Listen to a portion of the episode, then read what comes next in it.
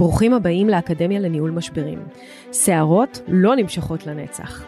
אני אימי בכור בוני, עורכת דין לענייני משפחה, מאמנת ומומחית לניהול משברים. וזה הפודקאסט שילמד אתכם איך להתמודד עם כל משברי החיים.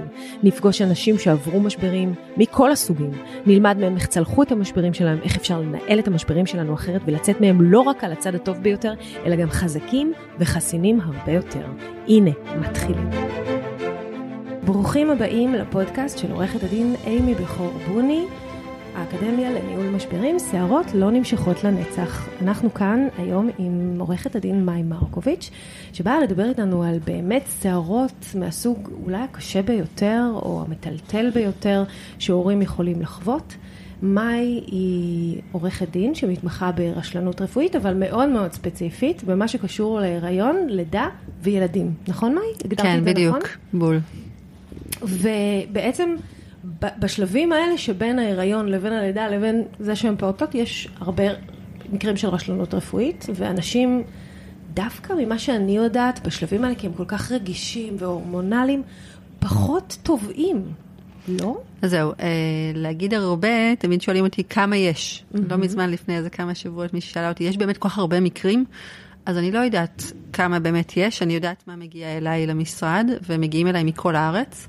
אה, אני חושבת שהרבה פעמים אה, הורים, אה, זה נופל עליהם ביום בהיר אחד. עכשיו, הדבר הכי יקר לנו, לכל אחד מאיתנו, נכון, זה הילדים שלנו. נכון.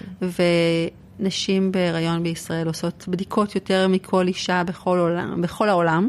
סקירות מערכות ושקיפות עורפית וחלבון עוברי ומי שפיר. מי שפיר. ו... והיום יש... יש גם כל מיני בדיקות גנטיות מוזרות ששמעתי נכון. שאני לא עשיתי כי לא היה בזמני. כן, אקסום וצ'יפ ואני יכולה לתת פה את כל המנעד, אבל ואז מגיע רגע הלידה. רגע, וזה נכון גם שמדינת ישראל היא משקיעה בזה מעצמה המון כספים בכל נושא הפריון. נכון, גם בנושא הפריון. זאת אומרת, אנחנו באיזה מקום ראשון בעולם בפריון. נכון. למה? כי זה חשוב שיהיו ילדים יהודים? כן, אני, אני חושבת כי, זה, כי, כי יש איזה משהו חברתי במדינת ישראל, ש, של להקים משפחה, של לעשות ילדים, זה משהו שהוא מאוד תרבותי במדינה שלנו. ויותר מזה, מה שקורה במדינה שלנו זה העניין של ילדים בריאים. אני חושבת שכל זוג ישראלי, אה, אני חושבת, נורמטיבי, עושה בדיקות, רוצה שהילד שלו ייוולד בריא. נכון. אה, ומשקיעים בזה לא מעט משאבים במהלך ההיריון. זה שונה מבמדינות אחרות? מה, עושים פחות בדיקות? אני חושבת שכן, יש מדינות שעושים הרבה פחות בדיקות. אני חושבת שבישראל אחת המדינות הכי, שעושים הכי הרבה בדיקות. אה, ואני חושבת שבסופו של דבר מגיע רגע הלידה, ואז פתאום רואים ש... משהו לא אובחן בהיריון, ובדרך כלל זה שוק גדול. אני מדברת על מקרים ש... למרות הבדיקות? נכון. יש, אה, יש הרבה אפשרויות, אני יכולה לדבר על זה שזה יכול להיות אה, באולטרסאונד למשל, שבכל ההיריון עשו סקירות מערכות, יש סקירה ראשונה, סקירה שנייה, היום כבר יש גם סקירה שלישית. ולי, ואפילו בזמני כבר היה תלת-ממדי, וראו נכון, איך התינוק נכון, נראה. נכון, נכון, נכון. אז כמה טעויות יכולות להיות כשכבר רואים ככה ממש אז... את כל התינוק? אז, אז יכול להיות, האמת שיש כמה אפשרויות. אפשרות אחת שמגיעים אליי מקרים ואני אומרת להם, אוקיי, תנו לי את הדיסק של הסקירה, mm-hmm. ואנחנו מסתכלים בדיסק ורואים, בדיסק ממש רואים את המום. זה נדיר, כי הרבה פעמים אה, חברת הביטוח, אה, או קופות חולים, כשאתה מבקש חומר רפואי והם רואים שיש מום, אני אגיד את זה בזהירות, זה, לא בוא נגיד, הדיסקים האלה לא מגיעים אליי, אבל אני מודה שהיו מקרים, מקרה אחד שאני יכולה לזכור שהגיע וראיתי מום לב מאוד דרמטי שרואים בסקירה, ממש את המום לב, והרופא לא ראה. לא שם... מה קורה לו לרופא ברגע הזה שהוא... תראי, אני תמיד אומרת ללקוחות שמגיעים אליי, שאין רופא בישראל, אני לא מאמינה בזה, שיש רופא בישראל שרוצה לעשות רע. נכון. רופאים, התפקיד שלהם הוא לרפא ולהציל חיים. אבל המערכת מאוד בעייתית, ויש שחיקה נורא גדולה. וחברים הכי טובים שלי הם רופאים, וחברה טובה שלי אמרה לי לא מזמן, תקשיבי, את צריכה להיות מאוד מרוכזת. אז מספיק שאתה לא מספיק מרוכז, או משהו הטריד אותך, והם בני אדם בסוף, והדברים האלה קורים. אז אפשרות אחת זה באמת לראות את המום. אפשרות שנייה, זה למשל, היה לי פעם מקרה של משפחה שהגיעו, היה שם כליה אחת, וגם היא הייתה לא תקינה, וכשהסתכלתי על הדיסק של הסקירה, ראיתי שבעצם אה, הוא בכלל לא הדגים את הכליות המומחה. כלומר, הייתה סקירה, בטופס של הסקירה נרשם כליות תקינות, ובכלל אין הדגמה של הכליות. בדיסק אין הדגמה. כן, את מסתכלת על הדיסק, אין הדגמה. Oh my god. Oh ומקרים אחרים זה שאתה אומר, אוקיי, אה, אין תיעוד רפואי, נעלם התיעוד הרפואי. שזה כמה נוח לרופא. אה, ואז אתה הולך לספרות ואומר, אוקיי, האם היה צריך להיות בשלב הזה, היה צריך לראות ככה וככה, ואתה הולך לפי ספרות רפואית, אני מודה שזה מקרים שהם אה, אה, לא פעם מאתגרים, אבל בהחלט גם מקרים כאלה קיימים. אז אלה, בואו נדבר, זה האולטרסאונד, זה מקרה האולטרסאונד. אבל מאי, את נשמעת לי כבר חצי רופאה, לא הבנתי, את מסתכלת על דיסקים, את רואה סקירות, את הולכת לספרות מקצועית, זה חלק מהדרישות שלך כעורכת דין שמתעסקת ברשלנות, זה ממש להבין את האנטומיה בסיפור? אני לא חושבת שיש איזה דרישות רשמיות, אבל אני חושבת שלאורך שנים, אני כבר עושה את זה לא מעט שנים, אז לאורך שנים אני פשוט לומדת כל פעם מהניסיון. אני מאוד מאוד אוהבת לראות אולטרסאונד. Uh, למדתי לא מעט במהלך השנים לראות סקירות של uh, נשים הרות, אני מאוד אוהבת את זה, אני מודה. ולא פעם קולגות שלי שולחים לי דיסקים, אומרים לי, תסתכלי, תגידי מה את אומרת, רואים, לא רואים. Uh, גם אוהבת לקרוא MRI, יודעת רק MRI מוח, אני אגיד בזהירות. אבל גם, אני לא רופאה. בסופו של דבר אני צריכה את המומחה שייתן לי חוות דעת, אני לא יכולה זה לא נגמר אצלי, אבל מגיעים אליי מקרים ואני תמיד מסתכלת, זה תמיד מעניין אותי לראות. כן. אה, לא מזמן הגיעה איזה אימא עם אה, מקרה של שפה וכך שסועים, ופשוט אה, שמתי את הדיסק ואמרתי, הנה רואים, כאילו, זה היה מאוד קל לראות את זה. אז אני לא רופאה, אבל uh, אני לומדת לעומק. כל מקרה שמגיע אליי, אתה לומד, אתה לומד. מה, מה קורה להורים ברגע הזה? איזה סוג של משבר זה שהם כאילו חושבים שהולך להיוולד להם ילד בריא, ואז נולד להם ילד שאולי אפילו יכלו לאבחן את ה... את יודעת, את המום כן. שלו. וגם, מה, הם, הם אומרים לעצמם באותו רגע, טוב, אם הייתי יודע, אז מה הייתי עושה? הייתי מפיל את ההיריון? מה, שפה שסועה, אז מה, היית מפילה בגלל שפה okay, אוקיי, שסועה? את יודעת, זו שאלה מאוד טובה, ואני חושבת שאי אפשר באמת לשאול הורה באמת mm-hmm. מה הוא היה עושה בשלב אה, כזה או אחר, כשיש לו ילד בידיים והוא אוהב את הילד שלו, ואפילו פעם איזה אבא אמר לי, אני נורא אוהב אותו, כאילו, זה בסדר שאני אומר את זה? אמרתי לו, ברור שזה בסדר, כל הורה אוהב את הילד שלו, נקודה. ברור. אה, אבל אני חושבת שזו לא השאלה. היום לפי הפסיקה, השאלה היא האם ועדה להפסקת הריון הייתה מאשרת הפסקת הריון, זו שאלה ראשונה.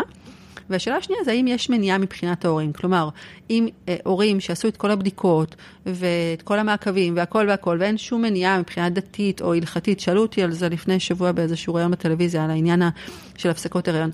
ועדיין, גם, אני יכולה להגיד, גם מבחינה הלכתית, היה לי מקרה שהורים הגיעו אליי, חרדים, ואני ישר קפצתי, אני, היה לי איזו דעה קדומה על הנושא, ואמרתי, אה, אתם לא מפסיקים הריון, מה אתם רוצים שאני אעשה איתכם?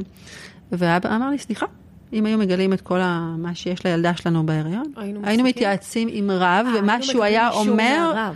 היינו עושים, ואכן הם, אה, הלכנו לדבר עם אותו רב, והוא אמר שבאמת אה, הוא היה מאשר הפסקת הריון, וככה הגשתי את התביעה, התביעה נגמרה בסכום מאוד משמעותי. אז אני שוב אומרת, כל מקרה לגופו, אני חושבת שבסוף של דבר כן, אני חושבת שרוב ההורים... אה, סביר שהיו מפסיקים הריון. אני מודה שכשהייתי בהריון חשבתי על זה לא מעט ואמרתי, איך אפשר? אבל אתה בסוף עושה בדיקות כי אתה רוצה לדעת. וגם אם לא, את יודעת, זכותו של ההורה לעמוד מול השאלה הזאת ולהחליט לחיים שלו אם הוא רוצה לגדל ילד עם צרכים מיוחדים. נכון. זה... זה בחירה. נכון. כי זה... יש לנו אותה עכשיו, בגלל הבדיקות, לפני זה לא הייתה לנו. נכון, ואת דיברת על משברים, אני חושבת שזה משהו שמטלטל משפחות. אני חושבת שזה... זה... כשהורה מגלה דבר כזה ביום הלידה, אתה הרי זה רגע מאוד משמח, אתה מגיע ופתאום קורה, או, לא דיברנו על רשלנות בלידה, תכף נדבר, אבל קורה דבר כזה, זה הופך משפחה שלמה. זה את ההורים ואת האחים ואת ה... את כל המשפחה, זה פשוט הופך את החיים שלהם מקצה לקצה, כי פתאום יש ילד שדורש את כל התשומת לב וצריך לטפל בו. וזה פריפריאלי, וכולם מעורבים, וגם זה, משפחה מורחבת, וזה נכון. פוגע באחים, כמו שזה פוגע בהורים. זה, זה, זה משהו שהוא, וכלכלית, בואי נדבר על העניין הכלכלי. אבל בואי נגיד שבעניין הכלכלי המדינה עוזרת, מקבלים ביטוח לאומי לילדים מיוחדים. תראי, בואי, אה, כל... קצבאות, ועכשיו את תספרי לי תכף שאת תובעת את חברות הביטוח, נכון? אני אגיד שאני תובעת את חברות הביטוח, אבל אה, אני לא חושבת שזה... מה שהמדינה נותנת זה מאוד יפה, זה לא מספיק. ומה הרבה... שחברות הביטוח נותנות? אני אתחיל ואגיד שהרבה מקרים שמגיעים אליי, בדרך כלל מה שקורה זה שאחד ההורים מפסיק לעבוד. אה, כי הוא רוצה להיות בבית עם ילד, לטפל בו, mm-hmm. מעקבים, בדיקות.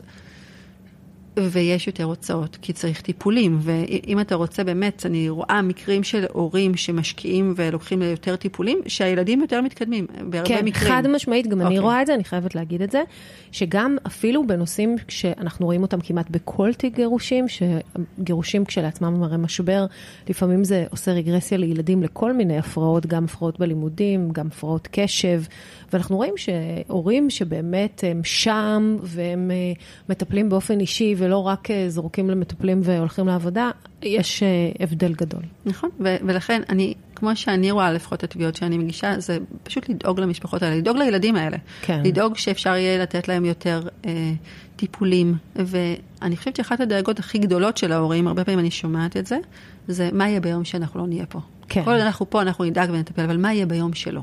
אז הוא ייפול על האחים שלו, אז לפחות שכלכלית, זה לא יהיה נטל כלכלי. והרבה פעמים, אה, אני בשנים האחרונות יותר שומעת שהורים מקבלים את הפיצויים האלה, הם מבקשים אישור אחרי זה מבית משפט לענייני משפחה, אפרופו, וקונים אה, דירות לילדים. נכון. וככה הם יודעים שהילד מסודר, ואני נכון. לא פעם שומעת את זה, עכשיו אני ישנה טוב בלילה, אני יודעת שסידרנו אותו לחיים. ואני מבחינתי עשיתי את שלי ברגע שזה מגיע למקום הזה. אז בוא נסביר רגע שאם אה, הורים נמצאים בסכסוך כלשהו ויש כסף ששייך לילד, אז הם לא לגמרי יכולים לקבל עליו החלטה. ממש לא, אני חושב, אני אתחיל ואגיד שכל הפיצויים שמגיעים, יש חלק מסוים שהולך להורים, אבל החלק המשמעותי אה, אמור להיסגר לטובת הילד, לא אמור, נסגר לטובת הילד. זה, זה בהחלטה, זה בהסכם, זה בחוק. זה, ב, זה ב... אה, כשמגישים את ההסכם פשרה לבית משפט, mm-hmm. או את ה... כשיש פסק דין, קובעים בדיוק מה קורה עם הכסף הזה, הכסף הזה מושקע לטובת הילד, לעתיד שלו. Mm-hmm. אז בגיל 18 יש לו אפוטרופוס שהוא ידאג לעתיד שלו וכולי, אבל כן. עדיין, הכסף הזה הוא מיועד לעתיד של הילד. יש הבדל בין uh, רשלנות רפואית עוד בשלב האולטרסאונד לבין רשלנות רפואית בלידה? כן, יש הבדל, כי uh, להבדיל מרשלנות רפואית באולטרסאונד, ויש גם אפשרות של בדיקות גנטיות שהזכרת מקודם, כן. שלא יבחנו משהו בבדיקות גנטיות, או אה, לא יפנו לבדיקות גנטיות, גם אפשרות שיכולה לקרות. ראיתי באמת לא מעט מקרים, שקיפות עורפית שנעשתה בצורה לא תקינה, אבל נשים את זה בצד. אז במקרים האלה זה נקרא הולדה בעוולה, זה אומר שאם היו מגלים, היו מפסיקים את ההיריון. נכון. אבל הילדים האלה לא היו בריאים מלכתחילה, כלומר, זה לא שהיה שם ילד בריא וקרה משהו. המקרים של הלידה, זה מקרים ש... מגיעים לרגע הלידה, כל הבדיקות תקינות, הכל בסדר, ואז משהו משתבש. והמקרים השכיחים, לא שכיחים, אבל המקרים שיותר מגיעים אליי זה מקרים של אה, חוסר חמצן לעובר. יש מוניטור, לא שמו לב שהעובר במצוקה, mm-hmm. לא לקחו מספיק מהר לניתוח קיסרי, והעובר נולד בעצם עם אה, חוסר חמצן. זה גורם בדרך כלל לשיתוק מוחין ולפגיעות מאוד קשות. וזה בעינייך רשלנות רפואית? ואז מדובר, זה רשלנות רפואית הרבה פעמים, ואז מדובר ב, אה, בעצם יצירת נזק. אתה פה גורם נזק לעומת מצב שאתה לא גרמת את הנזק, אתה פשוט לא מנעת את האפשרות שלו נכון. להגיע לחיים. אז זה, זה שני דברים שונים. אני אנצל את הפודקאסט שלנו לספר גם על היסטריה, שבשבועות האחרונים עלה ככה לכותרות עם כל המסעדה של אנשים הרות שאכלו במסעדה. אה, נכון, שהורעלו. נכון, ו... כאילו, מה זה, טומפולו פופו, שחלו שם בסלמונלות כולם? בדיוק, הם חלו בליסטריה. אה, ליסטריה, נכון. היה מדובר בליסטריה, ואני לפני, אני יכולה לספר שלפני אה, משהו כמו, כמה הבת שלי 11, אז בערך שהייתה, בערך לפני 10 שנים נכנסו אליי למשרד זוג, אה, שהבן שלהם נולד עם ליסטריה. נולד עם ליסטריה? עם ליסטריה. איך אפשר להיוולד עם מחלה? ליסטריה זה חיידק מאוד אלים שמועבר במזון, ואחרי הלידה גילו שהוא עם ליסטריה. והאימא לא הייתה עם ליסטריה והילד היה עם ליסטריה? אז זהו, שאצל האימהות בדרך כלל אה, פחות מרגישים את ה... סימפטומים? אה, זה יכול להיות קלקול קיבה, mm-hmm. זה יכול להיות תחושה לא נוחה, לפעמים רק סוג של שפעת, אבל אצל הילד הרבה פעמים זה חיידק מאוד אלים, הוא חודר את השליה, הוא יכול לפגוע ישירות במוח שלו, וואו. הוא יכול לייצר לידה מוקדמת, שזה מה שהיה שם. והם הגיעו אליי, ואני זוכרת שתפסתי את הראש ואמרתי, מה? אני, כאילו, לפני חמישה חודשים, אני זוכרת, זה היה, ילדתי ולא שמעתי בחיים על העניין של היסטריה. נכון. ידעתי שאסור, היה דברים מאוד מסוימים שידעתי כן, שאסור. כן, אסור סושי חי. ו... הנה, סושי, תמיד יודעים את הסושי. נכון. אבל, אבל יש uh, בשר נע, ודגים, נכון. וכל uh, מיני גבינות, ויש רשימה באמת ארוכה, פסטרמה, וסלטים uh, שבסופר שקונים כן. אותם בתוך... יש המון, יש באמת צריך להיכנס ולראות את זה. ואני זוכרת שתפסתי את הראש ואמרתי, אכלתי כל כך הרבה דברים שאסור בהריון, איזה מזל. ולא ידעתי מה זה ליסטריה, וחקרתי את הנושא הזה ממש אה, ככה ביסודיות, והגעתי לאיזשהו אה, פרופסור בירושלים, בהדסה, שעשה מחקר אה, במשך עשר שנים על נשים בישראל שחלו בליסטריה בהיריון, נשים בהיריון, ובעצם מה שהם גילו זה ש-35% מהחולים בליסטריה בישראל זה נשים הרות. נשים הרות. נשים הרות, mm-hmm. והפגיעות מאוד קשות של העוברים. והתביעה הראשונה שהגשתי, אני לא אשכח אותה כי אה, היא הייתה על אי מניעה של ליסטריה בהיריון, והטענה הייתה שאם היו אומרים לאישה ממה להימנע, מי היה צריך להגיד לה? הרופא המטפל, האחות בטיפת חלב. את יודעת שאני, כל ההיריון הראשון שלי, הבת שלי בת 23, גרתי מול מסעדת אונמי בתל אביב, שהיא מסעדת סושי, וכל יום אכלתי סושי, לא היה שום מודעות. שום okay, אוקיי, מודעות. אני... אף אחד לא אמר לי לא לאכול סושי. אז אני יכולה להגיד לך היום, שכבר משנת 92, מדינת mm-hmm. ישראל הוציאה חוזר שאומר שצריך לידע אנשים הרות, בין היתר אה, לא לאכול דגים נעים. ומה שקרה זה שפשוט איכשהו זה לא עבר הלאה, המודעות לא עברה. Mm-hmm. המקרים שהגיעו אליי היו באמת מקרים קשים. עכשיו, מה שאפרופו קשה במקרים האלה זה שזה ילדים שיכלו להיוולד בריאים אם האימהות היו נמנעות מאותם נכון. מזונות מסכנים. ואני מודה שאני ככה, בתביעה הראשונה שהגשתי, אה, הבת דודה של האימא, התקשרה אליי, עורכת דין לנזיקין, אמרה לי, אין לך סיכוי, אין לתביעה הזאת סיכוי. אמרתי, תקשיבי, אני מאמינה שזו תביעה צודקת, נכון שהיא תביעה תקדימית, נכון שכל... אני מאמינה בזה, ואני מוכנה להילחם על זה. וזכית? והצלחנו. הצלחנו, ומאז הגיעו אליי עוד מקרים שהצלחתי גם בהם, ואני באמת, אני חושבת שאם אישה בהיריון לא אומרים לה מאיזה מזונות להימנע, ובסוף נולד ילד עם ליסטריה, אני חושבת שזה בהחלט מקרה שצריך לבדוק אותו. וזה רשלנות רפואית, אבל נגיד אם עכשיו אותם נשים שאכלו במסעדה הספציפית הזאת חלו בליסטריה, זה לא הרופא אשם. אולי אמרו להם לא לאכול דברים נעים ולא היה שם דברים נעים, אלא הייתה במסעדה, ואז זה כבר תביעה נזיקית נגד המסעדה. נכון, נכון, נכון, נכון, כן. אבל גם צריך לראות אה, מה, מה בדיוק אמרו, גם בין היתר ההנחיות של משרד הבריאות זה לנסות להמעיט באכילה במקומות ציבוריים, בגלל בדיוק הפחד של ההיגיינה, אבל... בואי, כן, איפה כן, עובר נכון. הגבול? נכון. רעיון זה לא מחלה, בסוף את יכולה לאכול במסעדה. המשפט הזה, דרך אגב, זה משפט שזה רופא אמר לאחת האימהות של הליסטריה, אז כשאני שומעת אותו, אז... זה מעצבן אותך. לא, הוא אמר, היא שאלה אותו, היא באה ואמרה, דוקטור, מה, מה, מה צריך, מה אסור, מה מותר, מותר, מותר לאכול, מה אסור? הוא אמר לה, הריון זה לא מחלה. והילד שלנו נולד עם ליסטריה, סתם אחד המקרים. וואו.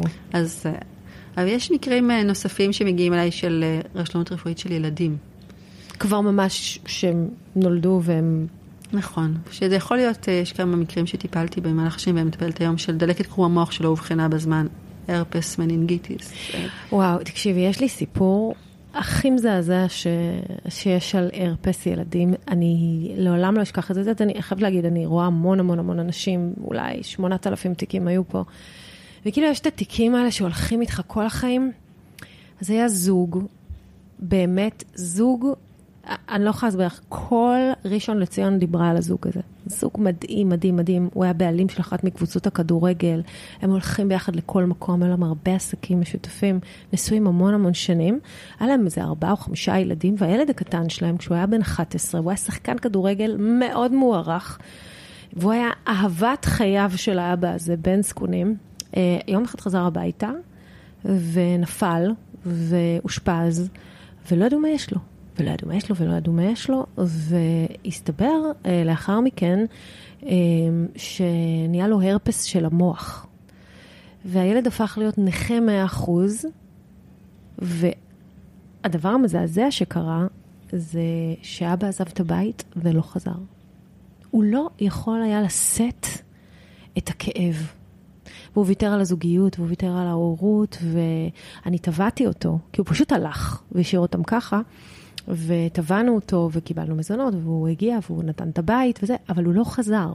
כאילו, הוא לא התגבר מעולם על האירוע הזה, והילד הוא כמובן היום אדם מבוגר, והוא, את יודעת, סועדים אותו 24/7, וכבר אז היה דיבור שהוא אמר אה, רשלנות רפואית, רשלנות רפואית. ואני לא רציתי להתערב בזה. יש לי איזה מין, בגלל שכל החברים שלי רופאים, אז יש לי איזה מין כזה, אני תמיד אומרת, אני לא, לעולם לא אגיש תלונות על עורכי דין, ולא אגיש uh, תביעות נגד רופאים.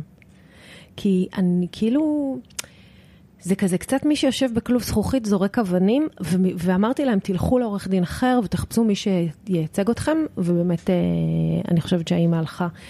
וזה באמת אחת הטראומות הקשות, ולא שאני לא חושבת שמגיע להם, או שאני לא חושבת שאת עושה עבודת קודש ואת מישהו צריך לעזור להורים האלה.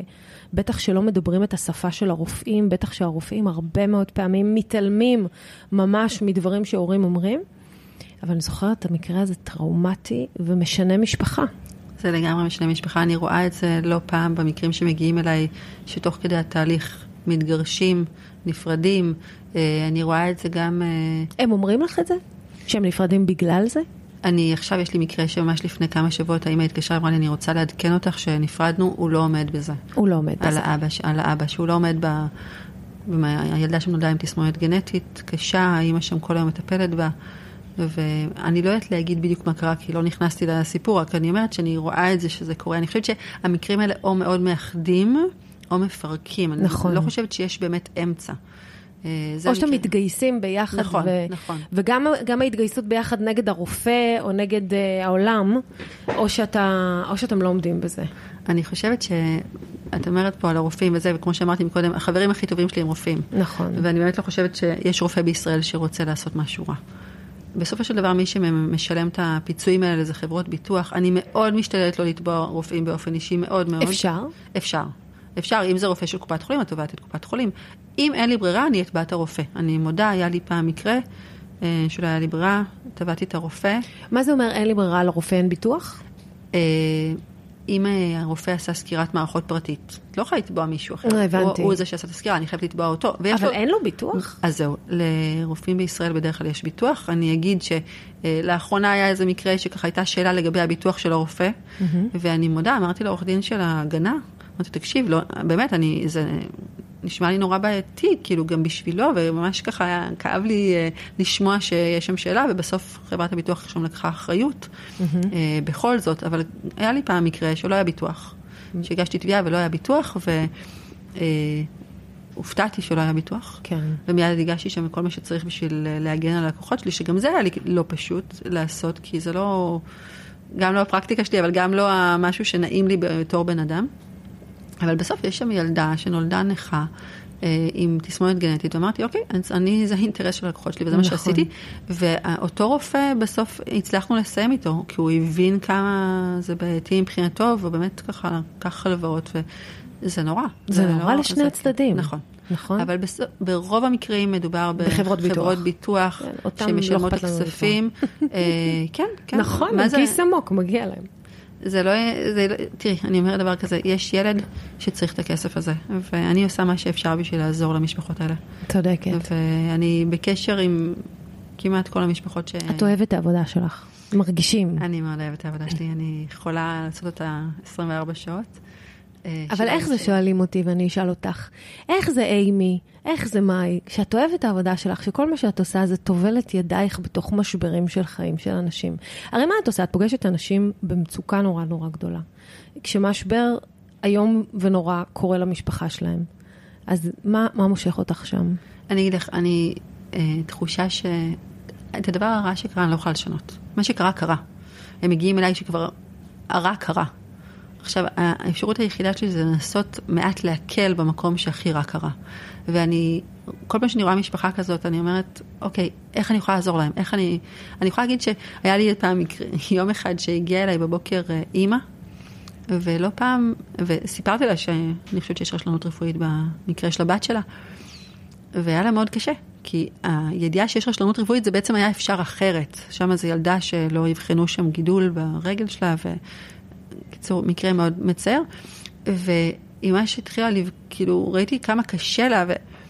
ואז אחר הצהריים הגיע אליי אבא, במקרה אחר, ואמרתי לו, תקשיב, לצערי אין פה רשתנות, אני לא יכולה לעזור לכם. עכשיו, לי בתור המקום, כן. במקום שלי, אני חושבת שאני לא יכולה לעזור כשאין רשתנות. והיה לו, לי גם, גם לי וגם לו מאוד קשה, שאי אפשר, אי אפשר לעזור, אין לי, אין, לי, אין דרך לעזור, כי לא כל המקרים יש רשלנות רפואית, מה לעשות.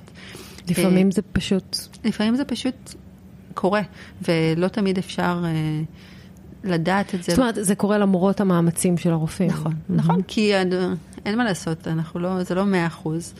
אבל אה, שני המקרים קשים, ולא פעם אימהות, אה, אני אומרת אימהות, כי ככה יצא לי להתקל באימהות שהתחילו לבכות, שאמרתי להם, תקשיבו, יש רשלנות. כן. והם באים אליי בשביל שאני אבדוק אם יש רשלנות, כן. אבל אז כשאני מוצאת את זה, אז אני לא יכולה לשנות מה שקרה, אבל אני כן יכולה לשנות מעט המציאות שלהם. אני כן חושבת שאני משנה.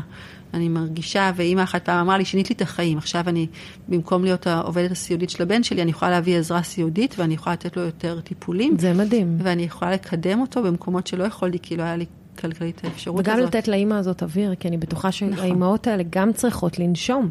ההורים האלה צריכים ההורים לנשום, צריכים לנשום. ולא פעם אני אומרת להם, אה, יש לי גם מקרה שלא מזמן הסתיים, וגם אמרתי להורים, פשוט תיקחו את המשפחה שלכם ותעשו עם זה כיף, פשוט תיקחו אתכם, אתם זקוקים לזה, הרגשתי שככה הם ממש זקוקים.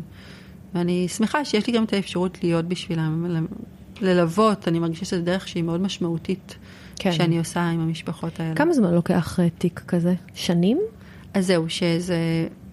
אה, הבדיקה שלי, של הסטטיסטיקות של השנים שאני במקצוע יכולה להגיד שמהרגע שמגישים, אני אתחיל ואגיד שרוב התיקים האלה מסתיימים בפשרה. כן. 85 אחוזים. אה, חברות הביטוח באות להתפשר. אני לא אגיד שהן תמיד באות להתפשר, אני אגיד שזה פשוט, אה, אני לא מגישה תיקים שאני לא מאמינה בהם, ובדרך כן. כלל זה תביעות שאני מאמינה, הן מאמינה שהן מספיק חזקות, וחברת הביטוח אומרת, אוקיי, בואו נראה מה אפשר לעשות, רפואה זה לא שחור ולבן, משפטים זה לא שחור ולבן, כן. והרבה פעמים זה מגיע לאפשרות של גישור, או משא ומתן ישיר, או פשרה של תחשיבי נזק בבית משפט שמקבלים הצעה. אז רוב התיקים מסתיימים איפשהו שם. ואני יכולה להגיד שהבדיקות שלי העלו שמהרגע שאני מגישה תביעה עד שזה מסתיים, הממוצע הוא בערך שנתיים. יותר, כן. פחות, כבר היו לי מקרים שהיה הרבה מהר מאוד, והיו מקרים שלקחו קצת יותר, אבל זה הממוצע. אה, אם זה ממשיך לפסק דין ולהוכחות, אז כמובן שזה כבר לוקח יותר זמן, אבל זה הממוצע של המקרים. תגידי, לגבי סכומים, בארצות הברית אנחנו שומעים כל מיני סכומים מופרכים, אבל זה גם בגירושים, בכל תחום בארצות הברית, את יודעת, פוסקים מיליונים. ובמדינת ישראל, גם בתיקים הכי, לא יודעת, קשים שאני ראיתי של אה, תאונות דרכים, או כל מיני דברים, הסכומים הם לא... הם לא מאוד מאוד גבוהים, והסכומים ברשלנות רפואית. אז אני אגיד שא', תאונות דרכים זה אחר, כי יש את, את הפלת"ד, את האיחוד נכון. העילה, זה אחר, וגם אז נותנים בעצם פיצוי לכולם, אבל פחות. ברשלנות רפואית הפיצויים יותר גבוהים מתאונות דרכים. עדיין זה לא כמו בארצות הברית, גם כי אין פה פיצויים עונשיים. יש גם את העניין של השבת המצב לקדמותו, זה בעצם מה שעומד מאחורי ה... מה זה אומר? התיאוריה. זה אומר ש... אי אפשר לחשוב על איך הילד נולד בריא, אבל מנסים לתת פיצוי במקום של, כמובן יש את הכאבי סבל, אבל יש את ההפסדי השתכרות ויש את העניין של העזרה. הפסדי השתכרות, אבל רגע, ההפסדי השתכרות זה של הילד עצמו או של ההורים שמפסידים עכשיו כי הם מטפלים בו? אז זה גם, אז רגע, אם הם מטפלים בו, אז כבר מדברים פה על עזרת צד ג', אבל mm-hmm. העזרה הסיעודית, אבל אם אה, ילד אה, אה, לא יוכל להשתכר כל חייו, אז כן, עושים חשבון כמה הוא היה יכול להשתכר. ו- ומאיפה אנחנו יודעים? הוא יכול להשתכר 5,000 או 50,000? אז אם זה ילד, אז לוקחים לפי השכר הממוצע במשק. שכר הממוצע במשק. כן. זה הפסיקה, ועושים חשבון כמה, מה התוחלת חיים שלו, ולפי זה עושים חישובים כאלה. אז אין פה את הפסיקה העונשית שבארצות הברית, שנותנת שם גם לא מעט. למה? למה לדעתך אין פה פסיקה עונשית?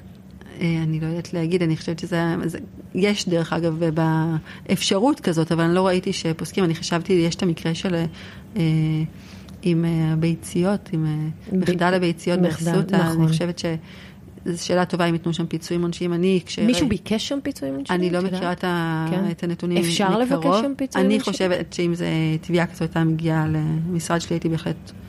אומרת שמגיע פיצויים עונשיים, אני חושבת שזה מקרה מחדל מאוד מאוד מאוד גדול, והיה צריך לדעתי במקרה הזה לתת. ויש עוד uh, הרבה מחדלים כאלה שאנחנו לא יודעים עליהם, ועכשיו רק מתגלים. נכון. בכל הנושא של פריון ו- נכון. וביציות. מה, מה, מה אנחנו יכולים לעשות בעניין? כלום. זה הרי הכל מתודות עבודה של הבתי חולים האלה, זה לא משהו שגם אם את פציינטית את יכולה להתערב בו. את יכולה להגיד להם, שנייה רגע, אני רוצה לשים בכספת פרטית את הביצית שלי. נכון, נכון, ואני חושבת שזה מה שהכי מזעזע במקרים האלה. נכון, שאתה בעצם... תלוי במערכת. תלוי במערכת, והם צריכים כוח להקפיד ולהקפיד שבעתיים, כי זה חיי אדם. ואם אנחנו מדברים על דיני משפחה, אז יש פה גם שאלה של כאילו מי האב, שאלות... מאוד חשובות. אני בעיניי השאלה הכי חשובה במקרה הזה היא מי האבא בגלל העניין, הר... ומי האימא בגלל העניין הרפואי. זאת אומרת, היום אנחנו יודעים לפתור המון בעיות גנטיות, כשאנחנו יודעים מי ההורים, נכון. ומה ה-DNA וכולי, ואם אתה לא יודע ואתה תלוש, אז אין לך לא מח עצם ולא דברים אחרים שלפעמים צריכים, זה כאילו נורא ואיום. נכון, אני חושבת שזה מזעזע המקרים האלה. אז את יודעת שאנחנו פה, הפודקאסט הזה הוא בעצם אה, אקדמיה קטנה ללימ, ללימוד משברים. זאת אומרת, אני תמיד אומרת, אה, יש לך משבר, אתה לא יודע איך לפתור אותו, קרה לך משהו, אז בוא, אנחנו נעשה על זה פרק וננסה ללמוד ביחד מה, מה אנחנו יכולים לעשות. אז מה הורה כזה שמגלה שהייתה רשלנות, אם זה בשלב ההיריון, אם זה בשלב הלידה, מה, מה הם יכולים לעשות? איך הם יכולים לנהל את המשבר הזה חכם, לדעתך? אני חושבת שאחד הדברים הכי חשובים זה שכל הורה שיש לו ילד עם צרכים מיוחדים, אם זה שהוא נולד עם תסמונת גנטית, אם זה שהוא אחרי הלידה גילו שיש לו איזשהו מום שלא ידעו בהיריון, אם זה משהו שהשתבש בלידה, אם זה כל דבר שקרה במהלך הילדות שלו, חייב, לדעתי, ללכת לבדוק אם יש רשלנות רפואית. כי אני חושבת שהאפשרות לקבל פיצוי היא מאוד משמעותית לחיים שלהם. עכשיו, הרבה פעמים הורים כאלה הם מאוד עסוקים בלטפל בילד, בלרוץ, לבדיקות, למעקבים, לבתי חולים, והם קצת שמים בצד את העניין המשפטי. כי זה לא נעים. זה לא נעים, וזה גם, הם באים אליי ואני אומרת להם, בואו נפתח את הפצע ונראה מה יש שם. נכון. אז אני מבינה את זה. אבל יחד עם זאת, היום יש עניין של התיישנות, זה משהו שלא היה. מה זאת אומרת? זה אומר שכל אה, המקרים של הולדה בעוולה שדיברנו מקודם, שלא כן. אובחן בהיריון. אה, נכון לפסיקה משנת 2012, אה, עקרונית אפשר לתבוע עד גיל שבע. כי בעצם... זהו? נכון, כי פעם היו תובעים בעצם, הילד היה תובע. כן. ואז ב-2012, 28 למאי 2012, ניתן פסק דין המר, שבעצם אמרו, חיים תמיד עדיפים על אי חיים, ולכן אי אפשר, הילד לא יכול לתבוע על טוב מותי מחיי, שזה מה כן. שהייתה הפסיקה לפני, אלא רק ההורים יכולים לתבוע על זה שבעצם לא נתנו להם את האפשרות לבחור לגדל, לא לגדל ילד עם צרכים מיוחדים. נכון. וזה מביא אותנו להתיישנות של שבע שנים. וואו. אז יש לזה חריגים, אני אגיד פה בזהירות שיש לזה חריגים, צריך לבדוק, אבל הורים צריכים לדעת שבגיל שבע שנים אה, יש אפשרות שתהיה התיישנות. ואני ממש בשבוע האחרון פנו אליי כמה משפחות כאלה שהם אמרו לי, לא ידענו. ואני לא יודעת מה להגיד על זה חוץ מלהצטער על המקרים שלא אבל זה מגיעים ממש לפני. מידע חשוב. זה נכון. שאפשר לעשות את זה רק עד גיל שבע, צריך להתעשת ועד אותו רגע נכון. ולעשות את זה, כי זה בעצם דאגה לעתיד של הילד בסוף. נכון, נכון. אז מדובר בדיוק על המקרים האלה, למשל מקרים של לידה, נכון לפסיקה העכשווית, אפשר עד גיל 25, כי זה גיל 18 של הילד פלוס הבנתי, שבע שנים. אבל אני תמיד אומרת, גם לא כדאי לחכות הרבה, כי החומרים הרפואיים, אני אגיד בזהירות, יש להם לפעמים נטייה להיעלם, אה, להשתנות, להיכנס לרכיבים שנשרפים. אה, ל- כן, וכאלה, מחשבים נפלו. מחשבים אפילו. שתו לי, אכלו לי, אה, כאלה. אז אני באמת חושבת שהורים, לפעמים מתקשרים להורים, אני אומרת להם, גם, לפעמים מגיעים אליי משפחות, שנולד להם ילד והוא מאוד קטן, ואני עוד לא יודעת מה הנזק, אני לא יודעת כן. מה יהיה. גם אפילו ילדים עם תסמונת דאון, יש לי כמה כאלה שאני אומרת להם, תשמעו, הם קטנים, בואו נראה, תסמונת דאון, זה יכול להיות נזק, אה, מנעד מאוד גדול של נזקים שיכולים להיות לכל כיוון. אז אני לא פעם אומרת, אוקיי, בואו קודם כל נבדוק האם הייתה רשלנות, אה, נעבוד על העניין של הרשלנות ונחכה. ואני לא פעם מחכה, יושבת ומחכה. אבל עדיין כדאי כן ללכת ולעשות אבל אם את פותחת את התיק, אז כבר לא נספרת, נכון? מהרגע שפתחת, זה נכון. לא שעכשיו את יכולה לחכות, וזה גם אם ייקח עכשיו עוד חמש שנים, זה בסדר. מהרגע שאני שמה תיק בבית משפט. מהרגע שאת שמה תיק מגיעים אליי בבית לא משפט. מ- מקרים, כן. ואני לפעמים אומרת, אוקיי, בואו נחכה. אפילו איזו שופטת פעם אמרה לי, אה, במחוזי בלוד, אמרה לי, למה הגשת את זה כבר? אמרתי גברתי, מה לעשות, היא הייתה כבר בת שש, כבר תכף התיישנות, הייתי חייבת להגיש. כי באמת, לפעמים הנזקים עוד לא מתגבשים. כן. אז יש אפשרות לעצור את התביעות, יש דברים... אז זאת אסטרטגיה, להגיש נגיד בגיל 6, 6 וחצי, ואז ברגע שאת מגישה נעצרת ההתיישנות, ואפשר לחכות עוד קצת לראות את הנזקים? זה יכולה להיות זה אסטרטגיה? מקרים שקורים, אני בדרך כלל משתדלת כן להגיש מוקדם יותר, ואם צריך עוצרים, אבל בדרך כלל כבר בגיל אה, שמתחילים ללכת, שמתחילים לדבר, את כבר יודעת כן. לאיזה כיוון זה הולך. אה, אז ואפשר הדבר הראשון זה זה. בעצם ללכת להתייעץ עם עורך דין, האם באמת יש נכון. פה רשלנות, נכון? עכשיו אני אגיד שאני חושבת שחשוב להגיד שכדאי ללכת לעורך דין שעוסק בתחום של רשלנות רפואית. כדאי כלומר, ללכת תמיד לעורך דין שמתעסק בתחום הספציפי שלו. נכון. אני אף פעם לא מבינה אנשים שבאים אליי ואומרים לי, התייעצתי עם עורך דין, מה הוא עושה? גם מקרקעין, גם דיני עבודה, גם אה, דיני אה, רשלנות רפואית, כמוך. ביטוח נזיקין, וגם משפחה שם למטה ברובריקה יש... זה לא עובד, זה כמו שלא תלכי לאכול סושי במסעדה שמגישה גם איטלקי, גם קוריאני, גם, אה, את יודעת. אני, יש לי דוגמה אחרת, אני אומרת, את לא תלכי לאורך, או כשיש לך פגיעה בכף יד, את תלכי לאורתופד שמומחה בכף יד ולא לאורתופד כללי. לא, זה, בדיוק זה כשבאמת הם הולכים למשרדים שהם בכלל לא קשורים. ואז אני תמיד אומרת, לא הבנתי, יש לך דלקת בעיניים, את הולכת לאורתופד, זה, זה באמת נכון. אבל לפעמים, את יודעת, עורכי דין רושמים ב, בלוגו שלהם שהם עושים הכל. הכל. ואת יודעת, אבל כתוב פה, את רואה שכתוב פה גם רשלנות רפואית, כן, אבל זה לא עובד ככה. תלכו למישהו שזה לחם חוקו, שמכיר היטב, גם כי זה בדרך כלל אותם שופטים שמתעסקים, גם כי זה בדרך כלל אותם עורכי דין בצד השני, נכון? ואז נוצרים קשרים. זה לא רק. זה, אני חושבת שזה באופן כללי, אה, זה עניין של מקצוענות. הרבה ניסיון. והמון ניסיון, שאלו נכון. אותי השבוע איך, את יודעת, ניסיון, נכון. בסוף זה ניסיון, נכון. עברתי עוד תיק ועוד תיק עוד ועוד תיק, ועוד נכון. תיק, וראיתי כל כך הרבה, אז כבר כשמגיע המקרה הבא, אז הוא שונה, כל מקרה הוא שונה, כי המשפחה שונה, כי המקרה. שונה, אבל איפשהו לפעמים יש דמיון, ואתה כבר ראית את זה, וכבר עשית את זה, אז כשעושים את זה עוד פעם ועוד פעם ועוד פעם, כבר מכירים את הדרך. אז יודעת. השלב הראשון זה עורך דין. נכון. ואם הם רוצים את החומר הרפואי, הם יקבלו אותו? אז זהו, אה, כי לפי חוק זכויות החולה, הם לא אמורים לקבל את החומר, כי אני יודעת שלא נותנים את החומר. החומרים הרפואיים, יש חובה לתת את החומר הרפואי. אה, כשמגיעים אליי אני מחתימה אותם על טופס מתאים של ויתור סודיות, ואני משיגה את החומרים הרפואיים. משיגה את החומרים. אני אגיד שלא פעם קורה, אפרופו ניסיון, שאני מקבלת חומר רפואי מאיזשהו בית חולים, ואז אני רואה שחסר לי כל מיני דברים, ואז אני יודעת בדיוק מה חסר לי, כי אני כבר יודעת מה צריך להיות, כן. אז אני מבקשת שוב ושוב עד שיש לי את כל מה שאני זקוקה לו. אה, ואז כשיש לי את הכל, אני יכולה בעצם לגשת ולפנות למומחה ואת בוחרת את המומחה או שעושים את זה במשותף עם חברת הביטוח? מסכימים על מומחה ניטרלי, או שזה את מביאה מומחה מטעמך? בכדי להגיש תביעת ברשלנות רפואית, את חייבת שיהיה לך חוות דעת רפואית שתומכת בעצם ברשלנות ובנזק. ואני פונה למומחים, יש את המומחים שאני עובדת איתם כבר לא מעט שנים, פונה למומחים, מקבלת חוות דעת, מגישה עם זה את התביעה, ואז הצד השני יביא את המומחה שלו, שיגיד שכל מה שהמומחה שלי אמר זה... הוא לא נכון. לא נכון. אני מודה שאני כבר אה, לא מעט שנים עושה את זה, כן. וקרוב ל-20 שנה של ניסיון, ועדיין אה, אה, היה לי רק פעמיים שאמרו לי, את צודקת. אמרו לך את צודקת? פעמיים אמרו לי, את צודקת. אבל זה שיא, תקשיבי, לא, בדיני לא, לא. משפחה, בגלל זה תמיד ממנים מטעם בית משפט, כי אחרת את אף פעם לא צודקת. אז היה לי פעמיים שאמרו לי, את צודקת, אל תבעי לי כל כך, רבו איתי על הנזק לא מעט, אבל uh, פעמיים היה לי שאמרו לי, את צודקת. היה פעם אחת שלא אמרו לי, את צודקת, אבל אני יכולה להגיד שמשרד הבריאות, היה שם ועדה של משרד הבריאות שקבעה שאני צודקת אחרי זה, אחרי שהגשתי את התביעה. אה, אבל לרוב הם יגידו, לא, מה פתאום, ותמיד יש את המומחה שלהם שיכתוב שכל מה שהמומחה שלי אומר זה שטויות. צריך להתכונן לזה נפשית, הלקוח צריך להבין את זה, כי זה נורא קשה לראות את החוות דעת האלה. נכון. נכון? נכון. אבל אה, אולי- בשביל זה אני נמצאת שם ל... לתקשר את זה, להסביר את זה ולהגיד שאוקיי, אין מה לעשות, זה העבודה שלהם, זה העבודה שלי. אה, לפעמים ממנים מומחה מטעם בית משפט, יש מקרים, במיוחד באולטרסאונד. מומחה שלי אומר, רואים פה משהו מסוים, והמומחה של הצד שני אומר, מה פתאום, זה שום דבר. היה לי מקרה כזה של אה, שקיפות עורפית, אה, שבוצעה אה, לטענת המומחה שלי לא, לא לפי הפרקטיקה המקובלת, והמומחה של הצד שני אמר, מה פתאום, זה היה מצוין, הבדיקה מעולה, עכשיו יש תמונות. כן. והפנינו למומחה מטעם בית המשפט, וביקשתי, היה לי חשוב שהוא יראה רק את התמונות, כן. שלא יראה את התביעה, שלא יראה את החוות דעת, שלא יראה שום דבר, רק את התמונות. אמרתי, בוא נעשה, בוא... בוא ננקה את זה. בוא נזקק את כן. זה בדיוק לעניין הזה. כן. והוא באמת נתן חוות דעת אה, שהייתה לטובת הלקוחות שלי, והתיק הסתיים בעקבות החוות. דעת שלו. אז שוב, זה, אני מודה שאני תמיד חוששת שיש מומחה מטעם בית משפט, אני אגיד את זה בזהירות, כי בוא, מדינת ישראל היא מדינה קטנה. ו- ואי אפשר לדעת גם מה מקבלים בסוף. וגם אי אפשר לדעת כן. אה, מי אה, מי מכיר. מכיר את מי, מכיר את מי, מכיר את כן. מי.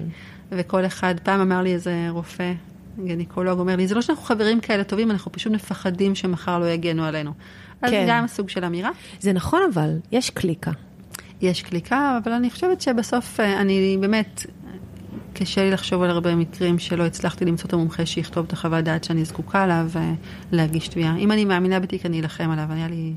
אבל ש... נתקלת פעם בסירובים אה, לתת חוות דעת נגד ברור. רופאים? ברור, אני, היה לי מקרה, אחד המקרים באמת הראשונים, ש, כאילו לפני המון שנים, שהייתי צריכה אנדוקרינולוג ילדים, מהמם. ואף אחד לא רצה לכתוב, כי המומחה שנגדו הייתה התביעה היה מומחה בעל שם. ועשיתי רשימה של כל האנדוקרינולוגים ילדים בארץ, ופשוט עברתי אחד-אחד ברשימה. מהמם. היה שם, זה היה שם אה, קרניופרינגיום, הגידול במוח, שלא אובחן אצל אותה ילדה, ועברתי אחד-אחד. המומח... והאימא באיזשהו שלב אמרה לי, מאי, עזבי, ניסינו, לא הצלחנו, לא נורא. אמרתי לה, אין דבר כזה. כשאני אגיד שניסינו ולא הצלחנו, אז נפסיק, אבל עד אז אנחנו נמשיך. והמומחה ה-27 ברשימה שלי הסכים לכתוב. וואו, 27. 27 רופאים שעברתי. מטורף. והצלחנו, הצלחנו להשיג שם פיצוי, והילדה, הילדה היא כבר לא ילדה, היא כבר גדולה, אה, אה, קנו לה בזה דירה. מדהים. ואני זוכרת שאמא אמרה לי, תשמעי, יש לה דירה, יש לה ביטוח לאומי שהיא מקבלת. אני רגועה שהיא מסודרת. אני יכולה למות בשקט. בתכלס. עדיף, לחיות. עדיף לחיות. תגידי, באופן האישי, למה את מגבילה את עצמך להיריון, ילודה וילדים? יש אגיד- רשלנות רפואית גם במבוגרים. נכון, נכון. נו. ומדי פעם מגיעים אליי מקרים ואני אני צריכה משהו שיגע לי בלב. משהו שכשאני רואה את המקרה הזה, זה ילחץ לי לכפתור בבטן של, של. וכאימא. לילדים, אלה הדברים ש... אני חושבת שזה עוד אפילו לפני זה, כשאני רואה את הילדים האלה, אני אומרת לעצמי, מישהו צריך להביא את הקול שלהם, מישהו צריך לדאוג להם, איזה מין תחושה של לדאוג להם.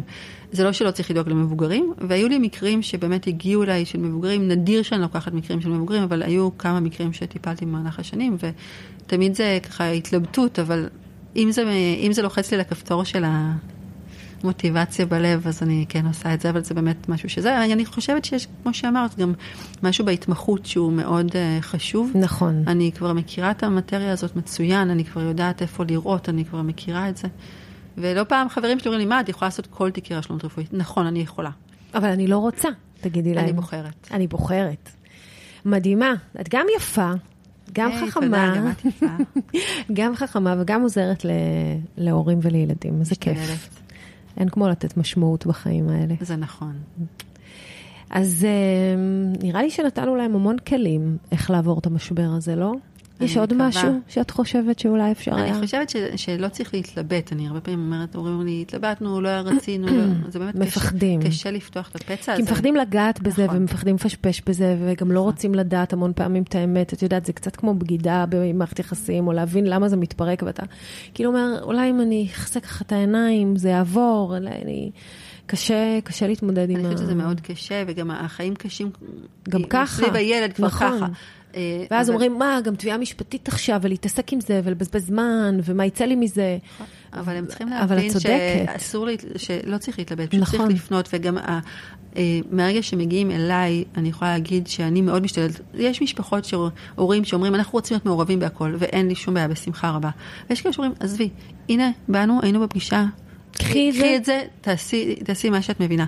ומה שההורים רוצים זה מה שאני עושה. כלומר, יש מקרים באמת שההורים פחות מעורבים, יש מקרים שיותר. בגדול, אני לא זקוקה למעורבות שלהם כן. ברוב התהליך, אני יכולה לנהל את זה כשהם בעצם ברקע. אבל זה בסוף אה, באמת צריך להתחיל את זה, צריכים להניע את זה. אז פשוט אל תתלבטו, תלכו, תתייעצו, תראו מה אפשר לעשות. בסוף זה הדאגה של ה- שלכם לעתיד של הילד שלכם. נכון, נכון. זה אולי עוד קצת מאמץ, אבל באמת, אם אתם מגיעים למאי מרקוביץ', אז נראה לי אתם מתאמצים פחות. תודה. תודה רבה רבה רבה שבאת להתראיין לפודקאסט שלנו. האקדמיה לניהול משברים, על המשבר הכל כך חשוב ומהותי הזה, ואנחנו ניפגש בקרוב. תודה. תודה רבה לכם שהאזנתם. אם הפרק הזה נתן לכם ערך, אנא העבירו אותו, אנחנו גם באינסטגרם וגם בטיקטוק. ביי.